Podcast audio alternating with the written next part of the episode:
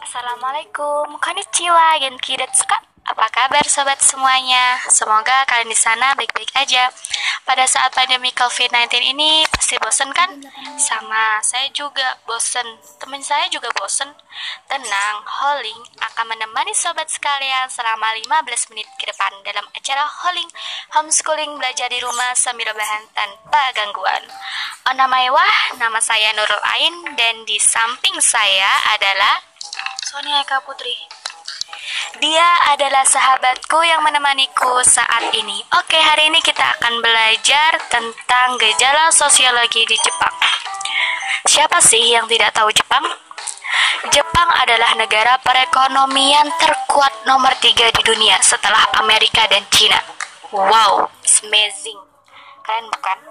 Dan Jepang pasti terkenal dengan film anime-animenya Wah, siapa sih yang tidak tahu anime dari Jepang? Saya sendiri adalah penyuka anime Jepang. yang biasanya disebut wibu. Oke, skip dulu tentang animenya. Sekarang kita akan membahas tentang masalah sosiologi di Jepang. Contoh yang lagi viral nih di Jepang adalah immigration dan bullying di sekolah. Oke, okay, immigration di Jepang. Jepang adalah negara yang memiliki perekonomian tertinggi. Sudah tahu kan Jepang mengeluarkan produk apa? Seperti mesin, seperti produk kecantikan dan lainnya. Tetapi Jepang memiliki satu ke memiliki banyak kekurangan, bukan satu juga sih, memiliki banyak kekurangan. Seperti Jepang memiliki angka kelahiran yang minim. 95% keturunan Jepang asli dan 1% adalah orang asing. Negara Asia dan negara barat. Akhir-akhir ini yang lagi booming Jepang ialah populasi Jepang perlahan mulai berkurang karena lebih sedikit bayi yang lahir di Jepang dan beberapa orang Jepang bermigrasi ke luar negeri untuk mengejar negara lain di dalam atau di luar benua. Jadi, perlahan-lahan mulai membuka pintu agar orang asing dapat bermigrasi ke Jepang. Migrasi. Walaupun kelihatan menyambut orang Jepang kelihatan menyambut orang asing, tetapi memiliki aturan yang kontroversial untuk ditangani. Oke, di Indonesia, Indonesia bermigrasi antara kota dan desa, desa ke kota, dan bisa juga kota ke luar negeri. Itu alasannya karena ekonomi yang rendah di Indonesia, penduduk di Indonesia yang sang menjibun yang banyak, dan kelahiran, angka kelahiran orang Indonesia itu juga banyak, angka kematian juga. Oke, kembali lagi ke Jepang. Jepang, pemerintahan Jepang pun menciptakan beberapa aturan yang harus dilewati dan dipegang oleh orang asing agar proses mereka menjadi tempat tinggal orang-orang Jepang berjalan lancar. Jadi, untuk orang-orang luar sana yang ingin ke Jepang harus siap-siap dengan aturan-aturan orang Jepang yang mungkin mengganggu kalian. Contoh persyaratannya nih untuk tinggal di Jepang, jangka waktu yang tertentu, memiliki gelar sarjana. Kalian harus memiliki sarjana tinggi maupun di dalam atau di luar negara Jepang. Penghasilan yang terbaik, penghasilan uang yang cukup dan memiliki sertifikat tingkat tinggi dari tes kecakapan bahasa Jepang JLPT. Jadi bukan hanya bahasa Inggris aja di sana, tapi di sana harus memiliki dan harus tahu bahasa Jepang. Aturan itu menganggap kontroversial bagi kalangan negara lainnya. Walaupun secara moral dan secara bahasa pun itu sudah kontroversial. Terutama karena mayoritas pengungsi berasal dari negara-negara Timur Tengah atau Afrika di orang Jepang. Kenapa mereka menggunakan aturan tersebut?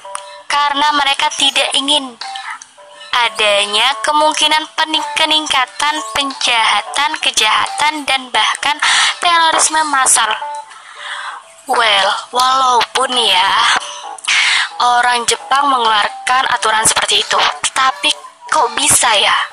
Di artikel itu banyaknya bunuh diri mahasiswa masyarakat di Jepang karena adanya intimidasi siswa guru di lingkungan sekolah. Kalian pengen tahu? Cikidot, kita dengar temanku ini untuk memberitahunya. Oke. Okay. Oke okay guys, kembali lagi dengan saya Soneka Putri. Saya akan membahas bullying di Jepang. Yang saya baca sih di artikel bahwa Amerika Serikat memiliki tingkat bullying tertinggi loh. Bahkan ternyata Jepang memiliki tingkat bullying sangat tinggi daripada Amerika.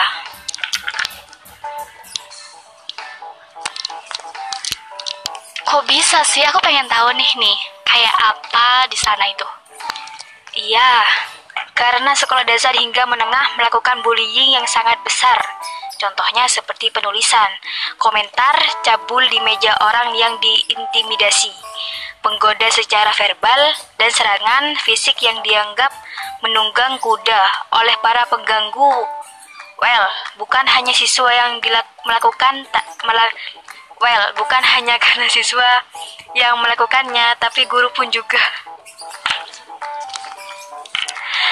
Wow, bukan hanya guru berarti ya teman-teman. Bukan hanya siswa, guru juga.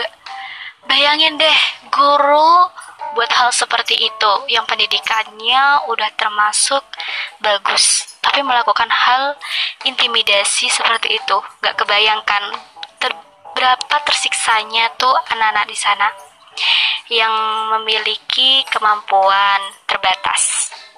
Makanya, oleh sebab itu, tanggal 31 Agustus 2 September adalah waktu yang menakutkan bagi Jepang. Kenapa bisa seperti itu? Karena hari itu adalah hari di mana banyaknya anak yang bunuh diri, keluar dan stres akibat intimidasi. Dari saya baca artikel, Nanae Munai Mesa merupakan korban bullying yang menjadi berita internasional. Dari sekolah dasar hingga sekolah menengah, dia dilecehkan secara fisik dan verbal oleh pria, wanita yang pengganggu, siswa, siswi, dan guru. Ada kalanya dia bolos sekolah dan melarikan diri dari intimidasi dan bahkan punya pikiran untuk bunuh diri. Terlepas dari statistik yang menakutkan. Gak kebayang deh jadi dia, Nanai pasti kesakitan. Makanya para tokoh-tokoh terkenal mengeluarkan film anime drama Jepang yang menunjukkan banyak adegan intimidasi di sekolah sehingga mereka bisa bertempur dan memberitahu anak sekolah, guru, dan juga orang tua bagaimana perasaan di mereka saat diintimidasi. Pada dasarnya berusaha mengajari mereka cara menunjukkan empati kepada orang lain. Tetapi masih banyak hingga sekarang mereka masih melakukannya walaupun berkurangnya sedikit. Nanae membuat blog yang membahas tentang apa yang dia lalui selama ini. Kan. Maaf ya, agak mengganggu tadi, tapi nggak apa-apa. Kita lanjut membuat band dengan kakaknya. Nah, kita coba nih lihat di internet tentang kasus-kasus bullying. Sebenarnya itu bisa buat kita agar bisa mendapatkan pesannya bahwa kelakuan itu sangat tidak bermoral. Kan sudah ada tuh dalam Al-Quran berfitnah itu lebih kejam dalam pembunuhan. Contohnya ya ini, kita fitnah temen hingga kasusnya bully dan tiba-tiba dia meninggal bunuh diri. Itulah contohnya yang sangat terjadi di, di Indonesia.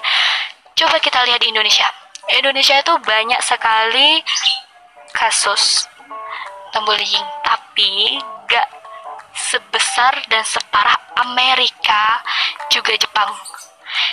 Contohnya seperti yang dialami para pendengar nih, mungkin kalian nih pernah dibully diejek. Kayak kamu tuh gendut kamu tuh jelek. Kenapa kok kamu Kristen? Kenapa kok kamu ini? Kamu kok duduk di sana? Kok kamu diem? Aku benci sama kamu kamu jelek. Kamu kok bisa gini? Itu mereka bully. Itu juga termasuk bully ya. Mendorong nampar ataupun menarik kursi nih biasanya nih di sekolah menarik kursi temennya ke belakang hingga jatuh pas ketawa-ketawa. Mungkin mereka nganggapnya itu bercanda tetapi itu sudah termasuk bully. Ada juga yang minjem pulpen. Juga ambil tas mereka secara tanpa pamit atau tanpa permisi. Nah itu juga termasuk karena itu mereka mem memegang barang pribadi orang lain. Itu juga termasuk bully ya bully fisik itu juga sampai keterlaluan. Contohnya nih ya, saya. Saya juga pernah merasa seperti kalian di sana.